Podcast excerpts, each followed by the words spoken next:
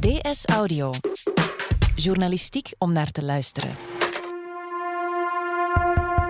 Vorige week woensdag werd in Amsterdam advocaat Dirk Wiersum doodgeschoten.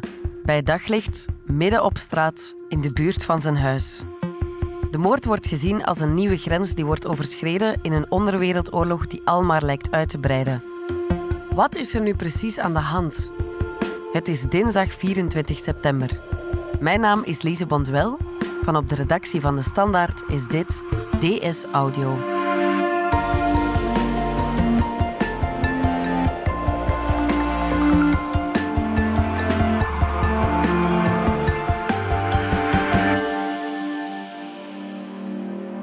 Geschokte reacties vanuit de hele samenleving op de moord op advocaat Dirk Wiersum. De 44-jarige Wiersum werd vanochtend iets na half acht van dichtbij doodgeschoten voor zijn Amsterdamse Hoe woning. kan het nou toch dat je gewoon je werk loopt te doen en dat je dan vervolgens met je leven daarvoor moet betalen? Ja, je vraagt je eigenlijk de laatste jaren af hoe ver kan het nog gaan bij de georganiseerde misdaad. Het is bijna cliché om, te, om, om die term te gebruiken, maar het zijn echt Italiaanse of Colombiaanse toestanden. Vlaggen op gerechtsgebouwen hangen vandaag half Het stok. is een regelrechte aanslag op de rechtsstaat en, en echt ongekend. En je merkt het aan iedereen, iedereen is echt diep en diep geschokt. Wouter Laumans, jij bent freelance misdaadjournalist. Ja, Je hebt ook twee bestsellers geschreven over de zogeheten mokromafia, een, een zeer gewelddadige groep criminelen in Nederland. ja. Kan je ons eens meenemen naar wat er vorige week woensdag is gebeurd? Vorige week woensdag eh, werd eh, eh, advocaat Dirk Wiersum doodgeschoten. Vlakbij zijn woning in eh, Amsterdam Buitenveldert. Eh, en, eh, ik reed gisteren reed ik langs zijn kantoor. Daar ligt echt een bloemenzee van heb ik jou daar. En, en zeg maar, waar ik ook kom, het gesprek gaat hierover. Het, heeft een gigantische impact gehad op Nederland, kun je wel zeggen. Kende jij Dirk Wiersum persoonlijk? Eh, nou, kennen is een eh, groot woord. Eh, ik heb hem wel eens gesproken. Ik heb hem wel eens een hand gegeven. Ik vond het een aardige kerel. Het leek mij een hele, een hele ja, kundige advocaat. Ehm, wat wel zo is, is ja, na zo'n week dan hoor je dat allemaal vrienden van mij, die, hebben hem, eh, die kenden hem zeg maar privé. En die zijn allemaal zeer aangedaan, omdat ze al, eigenlijk allemaal zeiden dat het een hele warme, lieve, eh, leuke man was. En dat is natuurlijk ook wat, eh, wat, wat blijft hangen, is natuurlijk dat er iemand is doodgeschoten vanwege het feit dat hij zijn werk doet. Mhm. Weten we wie er achter de moord op Wiersum zit? Nee, Maar de link wordt wel gelegd met een zaak waarmee hij bezig was. Een zaak tegen onder meer Ridouan T. Een kroongetuige in die zaak, Nabil B., had Dirk Wiersum als advocaat. Maar wie is eh, die Nabil B., die kroongetuige? Ja, Nabil B. is eigenlijk iemand die eh, jarenlang in het criminele milieu eh, in Utrecht heeft verkeerd. Daar eigenlijk zich heeft ontwikkeld van iemand die in de hennep zat. Naar iemand die in de, in de cocaïne eh, ging. En vanuit die cocaïne eh, eigenlijk ook wel met het geweld wat gepaard gaat met die cocaïnehandel te maken heeft gekregen. Hij is ook verdachte in deze zaak, dus hij is kroongetuige. Hij, heeft eh, zelf toegegeven dat hij bij moord betrokken is geweest. Ehm, eh, en in ruil voor strafvermindering heeft hij verklaringen afgelegd over de groep rondom Ridouan T. en Said R.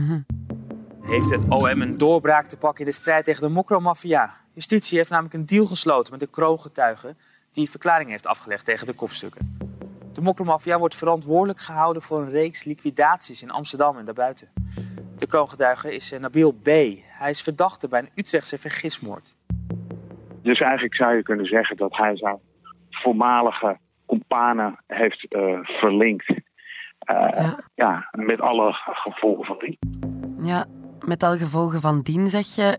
Kan je even schetsen wat die gevolgen zijn? Nou, de gevolgen zijn eh, in eerste instantie natuurlijk heel groot geweest voor de mensen over wie eh, Nabil verklaringen heeft afgelegd. Er zijn een aantal mensen die dus nu vastzitten op basis, mede op basis van die verklaringen. Daarbij is het natuurlijk ook nog zo dat de broer van de kroongetuige is uh, vermoord anderhalf jaar geleden. Amper een week na het nieuws dat een crimineel afkomstig uit Marokkaanse onderwereldkringen besloten heeft kroongetuige te worden, wordt hij hier keihard voor afgestraft. Zijn broer, die een bedrijfje runt in Amsterdam-Noord, is vanochtend doodgeschoten door een huurmoordenaar. De boodschap is duidelijk. Praten blijft niet zonder gevolgen. Dus de broer van Nabil B. is ruim anderhalf jaar geleden vermoord en nu zijn advocaat. En nu kijken heel veel mensen dus in de richting van Ridouan T. Maar wie is die Ridouan eigenlijk? Ja, Ridouan is iemand die, uh, wordt, uh, die behoort nu tot de meest gezochte criminelen van Nederland. Er staat 100.000 euro op zijn hoofd. Hij is iemand die eigenlijk betrekkelijk lang onder de radar is gebleven. En in 2015, 2016 pas in beeld van de opsporingsinstanties is gekomen. En Ridwan is een, iemand uit Vianen, die dus nu wordt gezien door justitie als zeg maar, opdrachtgever van een aantal onderwereldmoorden. Ja, hij heeft eerder ontkend dat hij betrokken was bij cocaïnehandel en bij moorden, maar nu wijzen veel vingers weer in zijn richting. De gedachte is natuurlijk uh, heel snel gemaakt. De linken, links zijn heel snel gelegd. Ja. Maar feit is nu wel dat op dit moment de opdrachtgever van die moord op de broer van de kroongetuige mm -hmm. is niet bekend. Daar is niemand voor veroordeeld. Nee. De opdrachtgever van de moord op Dirk Wiersum, het is niet bekend wie daarachter zit. Er wordt enorm gespeculeerd en dat is begrijpelijk. Zelfs de advocaat van Ridouan T. heeft uh, in een persverklaring gezegd ik begrijp de speculatie, maar op dit moment zijn de kale feiten zo dat dat niet vaststaat. Mhm. Dat Ridouan T. achter deze moord zit. Ja. En weet je waarom dat zo belangrijk is? Omdat de geest van, ook in de geest van Dirk Wiersum. Dirk Wiersum was iemand die zei: jongens, eerst de feiten, dan de aannemelijkheid. Ja. Eh, en dat is, dat is natuurlijk nu ook weer zo. De feit, het feit is: er is een advocaat geliquideerd. Het feit is, die stond de, de kroongetuigen in de grote Marengo-zaak bij. En dat zijn uh, vooralsnog de feiten. Ja. Uh, en die uh, Dirk Wiersum was een man die eigenlijk het klusje deed wat niemand van de advocaten bijna wil doen. Het bijstaan van een kroongetuige. En hij deed dat, als je de verhalen een beetje allemaal aanhoort. Hij deed dat eigenlijk omdat het gewoon, hij principieel vond dat ook een kroongetuige recht heeft op uh, bijstand van een advocaat. Uh, en dat maakt hem dus eigenlijk een, een hele principiële uh, jurist. Ik heb ook wel mensen gesproken in het milieu. En die waren ook geschokt. En die zeiden ook van ja, jeetje. dit is ook wel een nieuw soort nieuwe stap. Omdat ja, wij zijn toch eigenlijk van de lijn, de advocatuur die, die is er ook wel een beetje om ons te helpen. Uh, dus zo zie je dat dat in heel, zo, die moord in heel veel lagen zeg maar. Maar de broer van de kroongetuige werd al vermoord. Ja. Hoe kan het dat nu ook zijn advocaat is doodgeschoten? Werd hij dan niet beveiligd? Er was geen sprake van dreiging, acute dreiging op zijn, op zijn leven.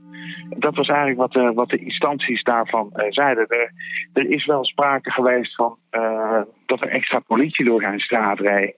Maar uh, dat was het dan wel zo'n beetje. En Wiersum was ook zelf de man er niet naar om zichzelf heel erg heftig te beveiligen. Hij wilde gewoon zijn werk doen. Hij vond dat hij zijn werk moest doen. En hij vond ook dat hij in een land als Nederland op zijn fiets uh, naar zijn Mhm. werk, uh, uh, gewoon op de fiets naar zijn werk moest kunnen.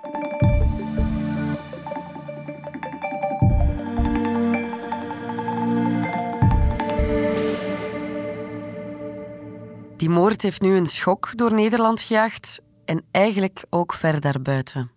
Ja, je vraagt je eigenlijk de laatste jaren af hoe ver kan het nog gaan bij de georganiseerde misdaad. Hè?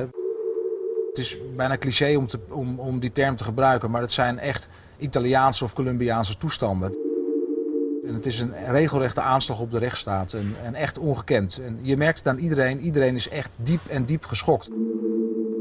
De moord op Dirk Wiersum wordt meteen gelinkt aan de drugsoorlog, waarin er al meerdere mensen zijn vermoord. Kunnen we zeggen dat er een nieuwe grens is overschreden? Ja, ik, ik, ik heb altijd moeite met dat woord, is hier een nieuwe grens over. Ik begrijp die gedachte. Mhm. En, uh, het heeft er alle schijn van dat Dirk Wiersum strategisch geliquideerd is. Gewoon om de kroongetuigen te treffen. Ehm, maar tegelijkertijd merk ik daarbij wel op dat eigenlijk al sinds 2000, eind 2012 in Nederland, maar ook in België, heel grof geweld gezien hebben uh, van groepen die zich bezighouden met uh, de handel in cocaïne. We hebben in Nederland hebben we een dubbele liquidatie in de staten in de buurt gehad, waarbij met Kalashnikovs in een woonwijk is geschoten. We hebben te maken gehad met een uh, onthoofding. We hebben te maken gehad met een moeder die voor de ogen van de kinderen dood geschoten werd. Vergismoord is een nieuw Nederlands woord. Het gaat over het feit dat de verkeerde per ongeluk wordt doodgeschoten. In België is het zo dat uh, men nu al uh, uh, regelmatig gewelddadige incidenten zijn. Dus er speelt hier eigenlijk al zes, zeven jaar is het heel erg hommeles. Mm Ja, zowel in Nederland als in België hebben we sinds een aantal jaren dus te maken met heel grof geweld. Hoe is het zover kunnen komen? Ja, dat, dat is zover geko kunnen komen doordat er gewoon in Nederland, maar ook in België en zeker in Antwerpen hartstikke veel geld verdiend wordt met cocaïnehandel. Daardoor zijn de belangen extreem groot en daardoor is de bereidwilligheid om extreem geweld te gebruiken ook groter geworden. Dat is eigenlijk gewoon hoe, hoe dit is gekomen. Um, als je daar je ogen voor sluit, dan ben je naïef. Als je denkt, het, het slaat niet over naar de bovenwereld, dan ben je naïef. Dat is wat ik zeg. En als men in België denkt, het is een Nederlands probleem, dan is men in België net zo naïef als Nederland altijd geweest is.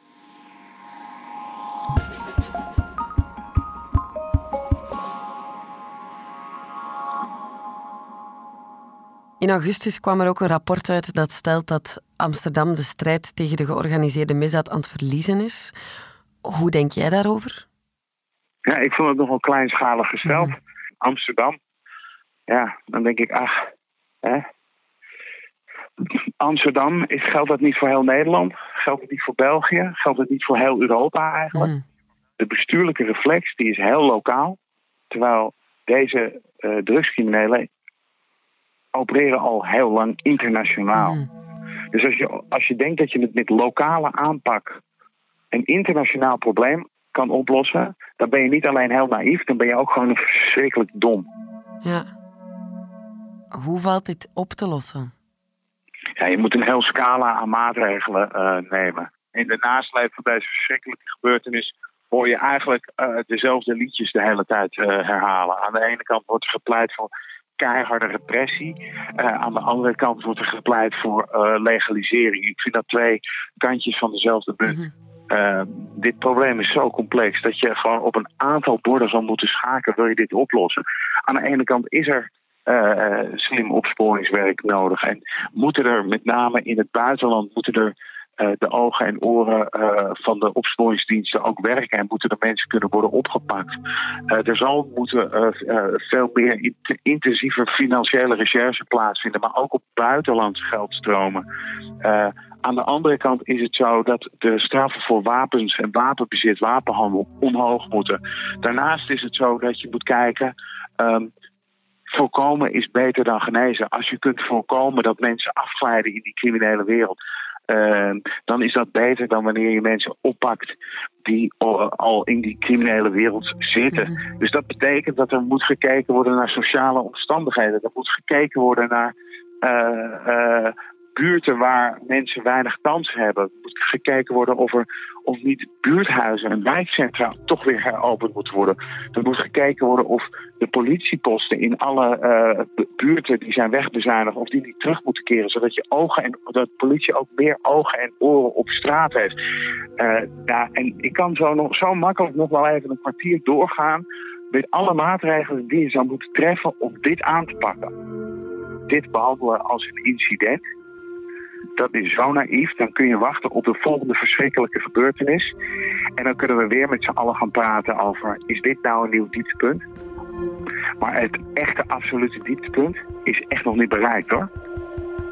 Wouter Laumans, bedankt. Graag gedaan. Dit was DS Audio. Wil je reageren? Dat kan via dsaudio.standaard.be. In deze aflevering hoorde je Wouter Laumans en mezelf, Lise Bonduel. De redactie gebeurde door Fien Dille, de eindredactie door Anna Korterink. Brecht Plasgaard deed de audioproductie. Brecht schreef ook de muziek die je hoorde in deze podcast.